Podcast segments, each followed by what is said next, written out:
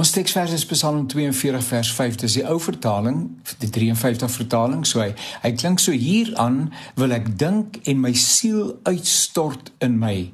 Hoe ek gewoond was om voort te trek met die skare.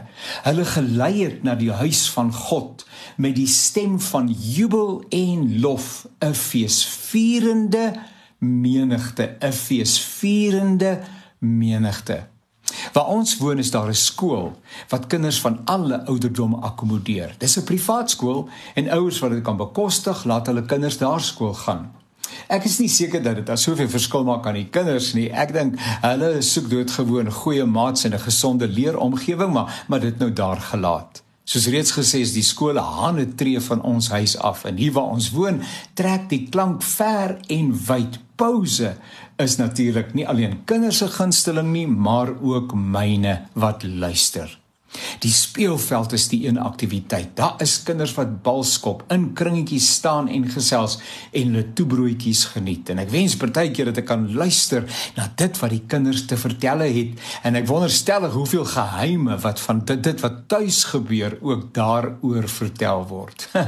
ook maar goed dit pa en ma nie alles weet nie. Die ouetjies skree en hulle juig met oortuiging, so amper amper asof hulle bang is dat hulle maats hulle nie gaan hoor nie. Dis 'n heerlike simfonie van lagende, spelende, entoesiastiese en liefdevolle kinders. En ek kry dieselfde gevoel uh, van ongekunstelde vryheid en entoesiasme as ek na hulle luister.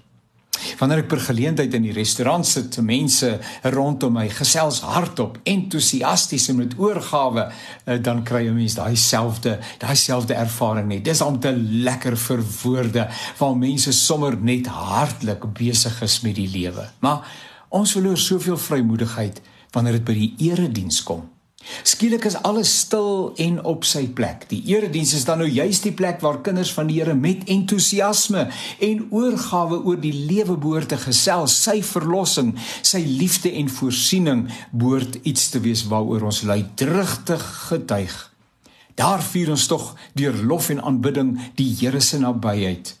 Om hier en daar op die prediking selfs met 'n haleluja of 'n amen te antwoord, bemoedig nie net die prediker nie, maar is heeltemal gepas. Maar die bordjie buitekant die kerkgebou lees stilte kerk.